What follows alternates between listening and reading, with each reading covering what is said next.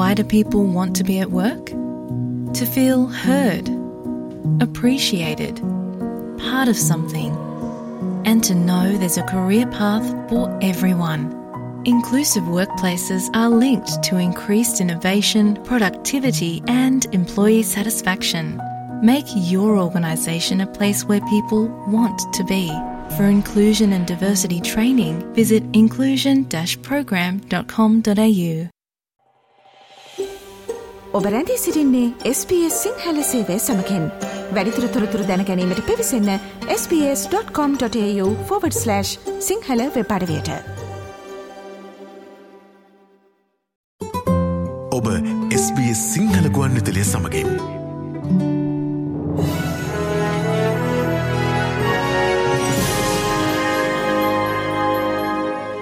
අපි දන්නවා මේ දවස්වල ජිනීවා මානවහිමිකම් කවුන්සිලේ පනස් හතරවෙනි සැසිය ආරම්භ වෙලා තියෙන කියලා සප්තැම්බර් මාසේ එකොළොස් වනිදා ආරම්භ වුණා මේක ඔක්තෝබර් මාසේ 13 වෙනිදා දක්වා දිව යනවා.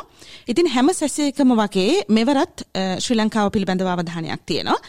අපිට දැනගන්නට ලැබෙන ආකාරයට පනස් හතරවෙනි මෙවර සැසිය ආරම්භ වන්නට කලින් ඉදම්ම පසුගිය වසරේ දෙදහස් විසි දෙක වසරේ ඔක්තෝම්බර් මාසේ පනස් එක එක කියන වාර්තාව තුළින් ශ්‍රී ලංකාවේ මානව හිමිකම් ආරක්ෂාව කිරීම වෙනුවෙන් ඉදිරිපත් කරපු කරුණු යළිත්වතාවක් සැලකිල්ලට අරගෙන මානව හිමිකම් වර්තමාන මහකොමසාරිස්වරයා විසින් යම් වාර්තාවක් ශ්‍රී ලංකාවේ තේවා තිබුණා. ඉතින් ඒ වාර්තාවෙන් මොනවද අවධානයට ලක් කරලා තියෙන්නේ? ඒ වගේම අපි දන්නවා පාස්කු ප්‍රහාරය හා සම්බන්ධව මෙවර ජිනිවාවල ටිකක් වැඩිපුර අවධානයක් තියෙනවා. Channel 4 නාලිකාව ඉදිරිපත් කරපු පාස්කු ප්‍රහාරය හා සම්බන්ධව සාක්ෂි ඉදිරිපත් කරමින් ඉදිරිපත් කරපු ඒ වාර්තා වැඩසටහනත් එක්ක. ඉතින් ඒ මේ සියලුම කාරණා එකතු කරගෙන මෙවර ජිනිවාහි 54 වෙනි මානව හිමිකම් සැසියේදී ශ්‍රී ලංකාව පිළිබඳව තියෙන අවධානය කෙසේද? ඒ ශ්‍රී ලංකාවට කොයි වගේ අභියෝගයක් වේවිද කියන කාරණාව කෙරෙහි තමයි SBS සිංහල සේවයේ අද අපේ සාකච්ඡාවේ අවධානය යොමු වන්නේ. දේශපාලන විචාරක ආචාර්ය දයන් ජයතිලක මහතාට මගේ ආරාධනාව යොමු වෙනවා. ඔහු එක්සත් ජාතීන්ගේ ශ්‍රී ලංකා නිත්‍ය නියෝජිත විදිහට කාලයක් කටයුතු කරපු හින්දා මානව හිමිකම් කොමිසමේ මේ මීට කලින් සේවය කරපු ඒ නියෝජිතවරුන් සමග වැඩ කටයුතු කළා. ඒ සම්බන්ධව අත්දැකීමක් තියෙන පුද්ගලයෙක් විදිහට ඔහුගේ අදහස් බෙදා හදා ගන්න මම කල්පනා කළා. ආයුබෝවන් ආචාර්ය දයන් ජයතිලක මහතා. ආයුබෝවන් දිල්රුක්ෂි. දැන් මේ పూర్ව වාර්තාව තුළින් ශ්‍රී ලංකාව සම්බන්ධව ජිනිවාහි මෙවර අවධානය කොයි අතකට විහිදෙනවා කියන පූර්ව ලක්ෂණද අපිට හඳුනා ගන්න පුළුවන්කමක් තියෙන්නේ. ඔව් පළවෙනි එක මම හිතන්නේ අපි තේරුම් ගන්න ඕන ස්ටයිලිය, ඒ කියන්නේ පුද්ගලික ස්ටයිල් එක, පුද්ගලික ශෛලිය සහ හරය නැත්නම් අඩංගුව වෙනස් කරලා තෝරගන්න වෙනවා කියලා. දැන් මීට කලින් හිටියේ මිෂෙල් බැෂලේ මානව හිමිකම් පිළිබඳව එක්සත් ජාතීන්ගේ මහා කොමිසාරිස්වරිය. එතුමිය දෙසරයක් චිලිය ජනාධිපතිනි වෙලා හිටපු නායිකාවක්. එතුමිය ඇත්ත වශයෙන් බොහොම ප්‍රබල චරිතයක්. ඒ එතුමියගේ කතා බහේ ඒ කරුණ ඉදිරිපත් කිරීමේදී එතුමියගේ සයිඩියේ වෙනසක් තිබුණා. ඒ වගේ රාජ්‍ය නායිකාවක් මීට කලින් මානව හිමිකම් කවුන්සිලේ මානව හිමිකම් මහ කොමිසාරිස්වරිය හැටියට හිටියේ නැහැ. නමුත් දැනට ඉන්න මානව හිමිකම් කොමිසාරිස්වරයා එක්සත් ජාතීන්ගේ සංවිධානයේ ඒ ක්‍රමය ඒ පද්ධතිය තුලින් මතුවෙච්ච පුද්ගලෙක් ඒකෙන් අදහස් වෙන්නේ කිසි ලෙසකිනුදු මානව හිමිකම් පිළිබඳව ඔහුගේ සැලකිල්ල හෝ ඔහුගේ දැනුම අඩුයි කියලා. නමුත් ලාංකිකව හැටියට අපි පුරුදු වෙලා හිටියේ හයි ප්‍රොෆයිල් ඉහළ ප්‍රබල චරිතවලට මොහු ශක්තිමත් චරිතයක් නොවේ කියලා කියනවා නෙමෙයි. නමුත් ඊට වඩා වෙනස් ශෛලියක් වෙනස් කතිකාවක් තමයි ඉදිරිපත් කරන්නේ. ඒ වුණත් අපි හරයාත්මක වශයෙන් ගත්තහම අපිට පේනවා සැලකිය යුතු කරුණු තුනක්. පළවෙනි එක සමාජ ආර්ථික ප්‍රශ්න පිළිබඳව මීට කලින් තිබුණට වඩා දැන් මිෂල් බැෂලේත් අනිවාර්යෙන්ම සමාජ ආර්ථික කාරණා ගැන කතා කරා. එතුමියගේ පසුබිම සමාජවාදී චිලි සමාජවාදී පක්ෂයෙන් පක්ෂ නායිකාව. නමුත් මෙවර UNDP සංවිධානයේ අලුත් තොරතුරු අලුත් වාර්තාව නිසා සහ එක්සත් ජාතීන්ගේ සංවිධානයේ නොයෙකුත් අතුරු සංවිධාන ලංකාව ගැන කරලා තියෙන වාර්තා හන්දා දුප්පත්කම පිළිබඳව ආර්ථික අහේනිය පිළිබඳව ඉන්සිකියුරිටි අනාරක්ෂිත භාවය පිළිබඳව ඒ පැතිමානය වෙනදට වඩා ප්‍රතිබිම්බනය වෙලා තියෙනවා මෙදා සැරේ වාර්තාව ඒක නරක දෙයක් හැටියට මම දකින්නේ ඒක හොඳ දෙයක්. නැත්තම් හුදෙක් අපි දේශපාලන අයිතිවාසිකම් මානව හිමිකම් පිළිබඳව නෛතික පැත්ත විතරක් කතා කරා මෙතනදී මානව හිමිකම් වල සමාජාර්ථික පැත්තක් තියෙනවා.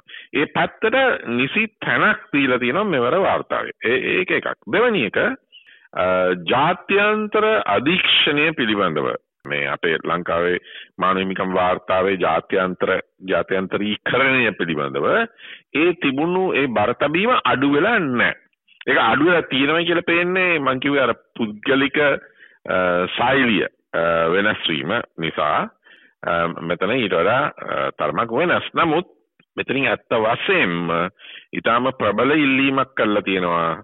ශ්‍රී ලංකා accountability project කියලා එකක් තියෙනවා. කියන්නේ ශ්‍රී ලංකාවේ සිද්ධ වෙච්ච නැත්නම් සිදු වුණායි කියන හෝ සිදු වුණායි සැක කරන මානව හිමිකම් සම්බන්ධයෙන් අපරාධ එක්ක යුද අපරාධ නැත්නම් මානවවාදී රීතියට එරෙහි අපරාධ පිළිබඳව තොරතුරු එක්රැස් වීමක් සිද්ධ වෙලා තියෙනවා. ඒක රෙසොලියුෂන් එකේ ඒකෙන් සම්මත වෙච්ච අලුත් ආයතනයක් පිහිටෙව්වා OHCHR. ඒ කියන්නේ මානව හිමිකම් මහකොමසාරිස්වරියගේ කාර්යාලය තුල SLAPS SLAPS ප්‍රොජෙක්ට් එක.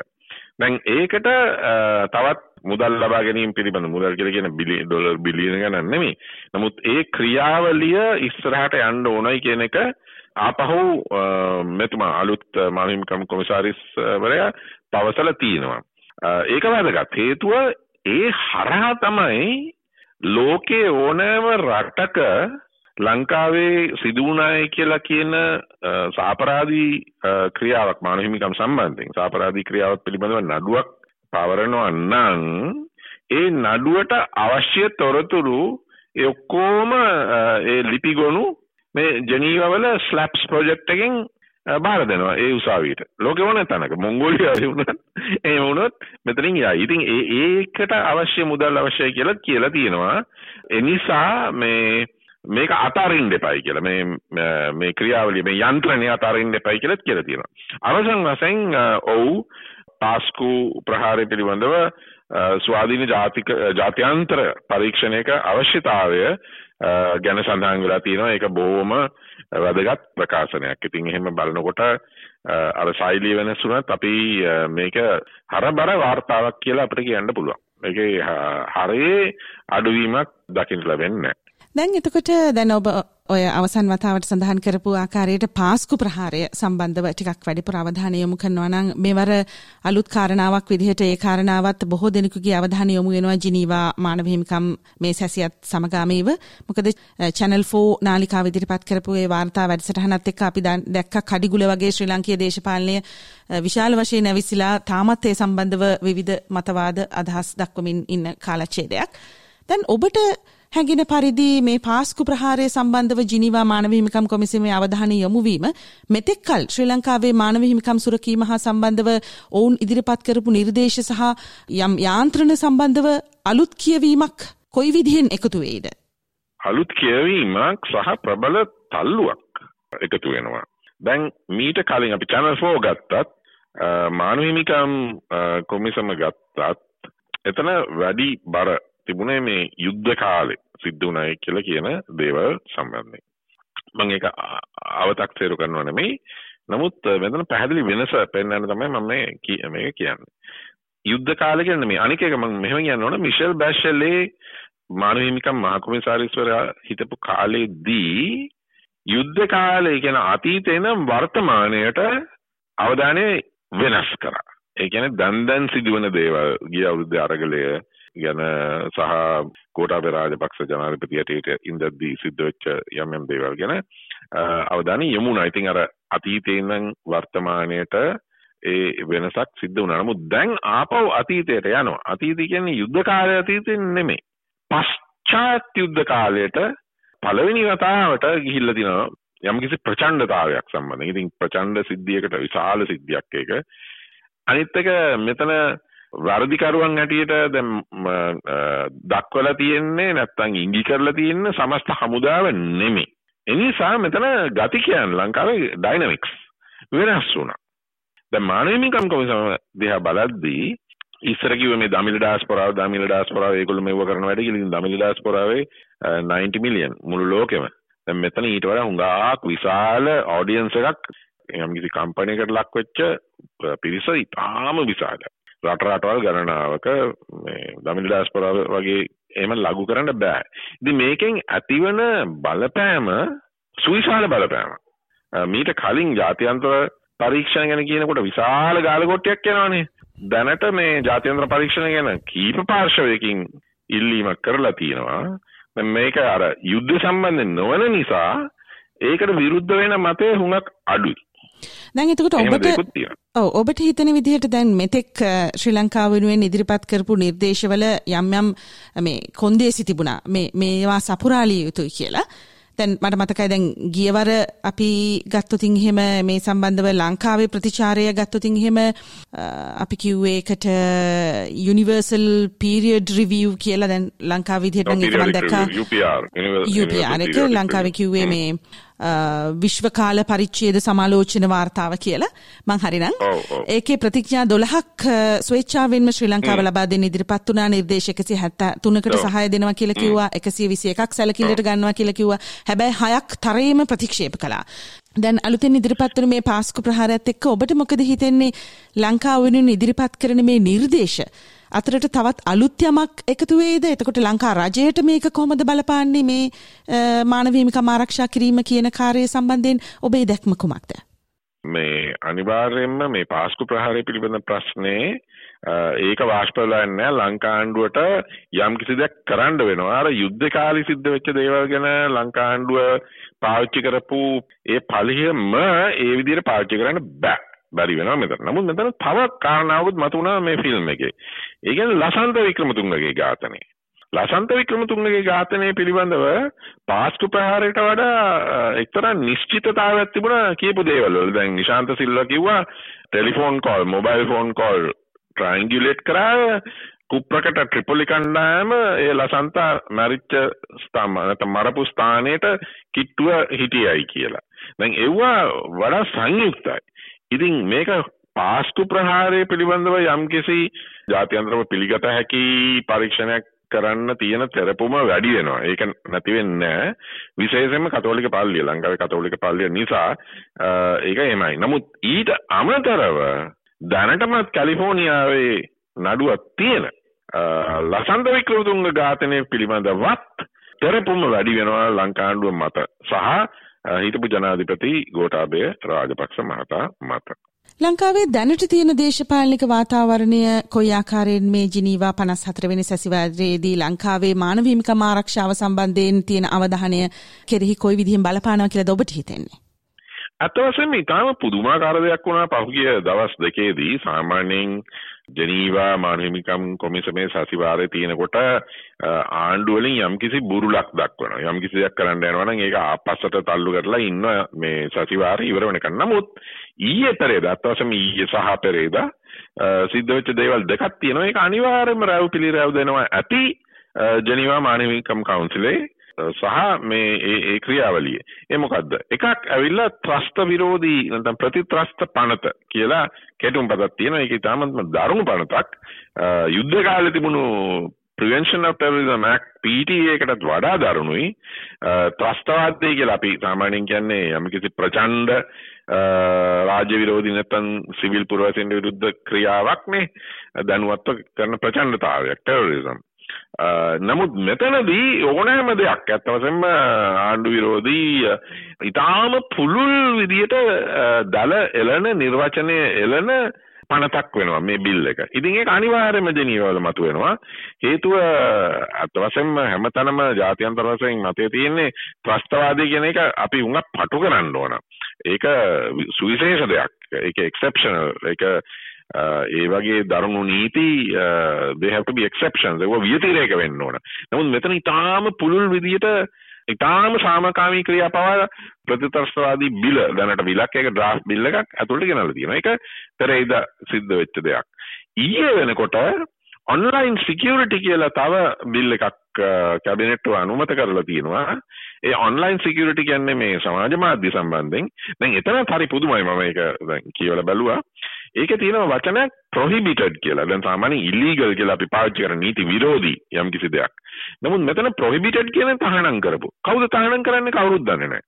කොමිසමක් පත් කරලා තියෙනවා. ඉතින් කොමිසමට පුළුවන් යම් කිසි දෙයක් ප්‍රොහිබිට් කරන්න. ඒ කියන්නේ තහනම් කරන්න. නීතියෙන් තහනම් කරපු නෙමෙයි.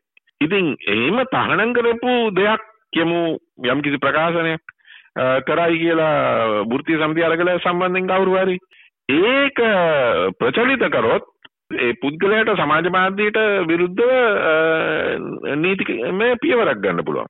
අත්වසම තව තැනක තියෙනවා මේ ස්ටේට්මන්ට් ඔෆ් ෆැක්ට්ස්. ඒ කියන්නේ කරුණු සහිත දෙයක් වුණත් ඒක තහනම් නම් ඒක කොච්චර කරුණක් වුණත් ඒක ප්‍රකාශයට පත් කරොත් සමාජ මාධ්‍ය හරහා ඔන්න අවුරුදු පහක් නැත්නම් සෑහෙන කාලයක් හිරගස්සේ ඉන්න පුළුවන්. ඉතින් මේ මේ වගේ ක්‍රියාවන් සාමාන්‍ය නරක දේවල් ලෝකේ කොහෙවත් බොහොම අමුතුවෙන් තමයි වෙන්නේ ප්‍රජාතන්ත්‍රවාදී රටවල් වල වෙන්නේ නෑ. නමුත් විශේෂම මානව හිමිකම් කොමිසමේ සතිවාරයක් තියෙනකොට සිද්ධ වෙන්නෙම නැති දෙයක්. පුදුමාකාර විදියට මේ ආණ්ඩුව විසින් අත් වශයෙන්ම අපි දන්නවා චන්දෙන් මහජන චන්දෙන් තෝරාපත් වෙච්ච පාලකෙක් නෙමෙයි ඉන්න ලංකාවේ දැනට ඉතින් මේ වගේ තාම දරුණු යුද්ධ කාලෙත් නොතිබුණු පණ දෙකක් ලහිලයියේ ඉදිරිපත් කළා තියෙනවා. ඉතින් ඇත්ත වශයෙන්ම මේක ජනීවාවල කතාවට ලක් වෙන්න ඕන ලංකාව ජනීවායි සාර්ථකව ආරක්ෂක ආරක්ෂා කරපු තානාපතිවරයෙක් හැටියට මම කියන්නේ මේ අනිවාර්යෙන් මේක සාකච්ඡාවට ලක් වෙලා යම්කිසි ජාත්‍යන්තර එක්තරා දුරකට විවේචනයක් සහ තිරිංගයක් දාන්න ඕනේ මේ වගේ දේවල් වලට. මානව හිමිකම් කවුන්සිලේ තියෙන්නේ ලෝකේ මානව හිමිකම් පිළිබඳව පාර්ලිමේන්තුවක් හැටියට. ඉතින් අනිවාර්යෙන් මෙවුවා මතු වේවා කියලා මේ මේ මේ අලුත් 52 anti terrorism act and the uh, online security act. ඊටාම කළු 52ක් මේ මේ මේ දෙක සාකච්ඡාවට ලක් වේ යුතුමයි. මම හිතන්නේ මේ සාකච්ඡාවට ලක් වෙයි මතු වෙයි උතන හොඳයි. දැන් ජාතිලක මහතා මම අවසාන වශයෙන් සැකවින් හෝබෙන් දැනගන්නට කැමති දැන් ඔක්තෝබර් මාසේ 13 වෙනිදා දක්වා මේ ජිනීවා 54 වෙනි මානව හිමිකම් සැසිවාරය පැවැත්වෙනවා. අපිට දැනට දැනගන්නට නැහැ ලංකාව සම්බන්ධයෙන් විශේෂිත දිනයක් තියෙනවද කියලා ලංකාව කෙරෙහි අවධානය යොමු කරමින් එක්කෝ වර්තමාන මහකොමසාරිස් වෝල්කට විසින් යම් ප්‍රකාශයක් නිකුත් කරන්න නියමිතයිද නැත්නම් මේ ඉදිරිපත් කරපු පසුගිය වසරේ 51 ඇලයිරක් එක කියන වාර්තාව සම්බන්ධයෙන් ඔහු සැසියට කලින් ශ්‍රී ලංකාව වෙත ලබා දුන්න ඔහුගේ නිර්දේශ සහ ප්‍රකාශය ඇතුළත් වාර්තාව කෙරෙහි ඔහුගේ අදහස් දැක්වීමක් සිද්ධ වන්නට නියමිතයිද මේ කිසිවක් සම්බන්ධව තවමත් අපිට කිසිවක් ජිනීවා වලින් වාර්තා වෙන්නේ නැහැ. නමුත් ලංකාව රාජ්‍යයක් විදිහට මෙවර 54 වෙනි සැසිවාරයේ පවත්වන මේ කාල සීමාව ඇතුළත තුලදී ලක්රජය විසිහට අවධානයට ලක් කළ යුතු කරුණු මොනවා කියලාද ඔබට හිතෙන්නේ දේශපාලන විචාරකයෙකු විදිහට? අනිවාර්යයෙන්ම පාස්කු ප්‍රහාරය පිළිබඳව ජාත්‍යන්තර පිළිගැනීමක් ලබා ගන්නට පුළුවන් ආකාරයේ ස්වාධීන පරීක්ෂණයක් ගැන යම්කිසි ප්‍රතිඥාවක් දෙන්න ඕනේ. ඒක ඒක ලෝකේ ජනතාවට ඒක දිය යුතුයි. සහ ඒකේ තොරතුරු කියන්න ඕන මේ මේ දේවල් තමයි කරන්න කියලා. දැනට ආපහු කොමිෂන් දෙකක් පත් කරලා තියෙනවා. ඉතින් මං හිතන්නේ ඒකෙන් කවුරුත් සාහෙන් නැති වෙයි. අනික එක මේ 52 මේ මේ මේ 52 සම්පූර්ණයෙන් අනවශ්‍යයි. ඒකෙන් ආපහු චක්‍රයක් පටන් ගන්නවා මානව හිමිකම් කවුන්සිලේ ලංකාව ගැන පරීක්ෂා කරන්න. ඉතින් මට නම් අත්වශයෙන්ම තේරෙන්නේ සිහිබුද්ධියක් ඇති ආණ්ඩුවක් මේ වගේ අර මං කියපු ඇන්ටි ටෙරරිසම් ඇක්ට් සහ ඔන්ලයින් සිකියුරිටි ඇක්ට් එක අයි ගේන්නේ කියලා ඒ දෙක අකුල ගන්න ඕනේ කියන එක තමයි මම හිතන්නේ. එහෙම නැත්නම් ඕකට උත්තර දෙන්න වෙනවා. ලංකාව ගැන සාකච්ඡාව තියෙන්න පුළුවන් මේ හයි කමිෂනර්ගේ රිපෝට් එක ගැන සාකච්ඡාවේදී. ඉතින් රට රටවල් ගණනාවක් ගැන කතා වෙනවා. එක දවසක ඒක අන්තිමට විතර තියෙන්නේ. ඉතින් ඒක සාකච්ඡා නොවී තියෙන්නේ නමුත් ලංකාවට බුරුලක් දෙන්න මිත්‍රශීලී රටවල් කොච්චර උත්සාහ දරුවත් ලංකා ආණ්ඩුවේ මේ වගේ ක්‍රියාකලාප හන්දා මේ මිත්‍රශීලී රටවල් උනත් අමාරු වෙනවා. ඒගොල්ලන්ට කර කියා ගන්න දෙයක් නැති වෙනවා අන්තිමට. හොඳයි. අද අපේ අවධානය යොමුුණේ මෙවර ජිනිවා 54 වෙනි මානව හිමිකම් සැසිය හා සමගාමීව ශ්‍රී ලංකාව කෙරෙහි ජිනිවා හිතියන අවධානය සහ මේ పూర్ව වාර්තාව තුළින් ශ්‍රී ලංකාවට මතක් කරලා දීලා තියෙන කාරණා පිළිබඳව දේශපාලන විචාරකයෙකු විදිහට අදහස් විමසීමයි ආචාර්ය දාන ජාතිලක මහතාගෙන්. ඒ වගේම ඔහු යම් අත්දැකීමක් තියෙන පුද්ගලයෙක් ජිනීවා මානව හිමිකම් කාර්යාලයත් එක්ක ඔහු ශ්‍රී ලංකාවේ නියෝජිතවරයා විදිහට කලක් සේවය කළා. ඉතින් ඔබගේ අදහස් SBS සිංහල සේවය සමගින් බෙදා හදා ගැනීමට අපත් එක්ක සම්බන්ධ වීම පිළිබඳව ආචාර්ය දායන් ජයතිලක මහතා ඔබට බොහොම ස්තුතියි. බොහොම ස්තුතියි SBS සිංහල වැඩස්ටාන සඳුදා අඟහරුවාදා බ්‍රහස්පතින්දා සහ සිකුරාදා පෙරවරු එකොළහට ඔබට සමීප වේ.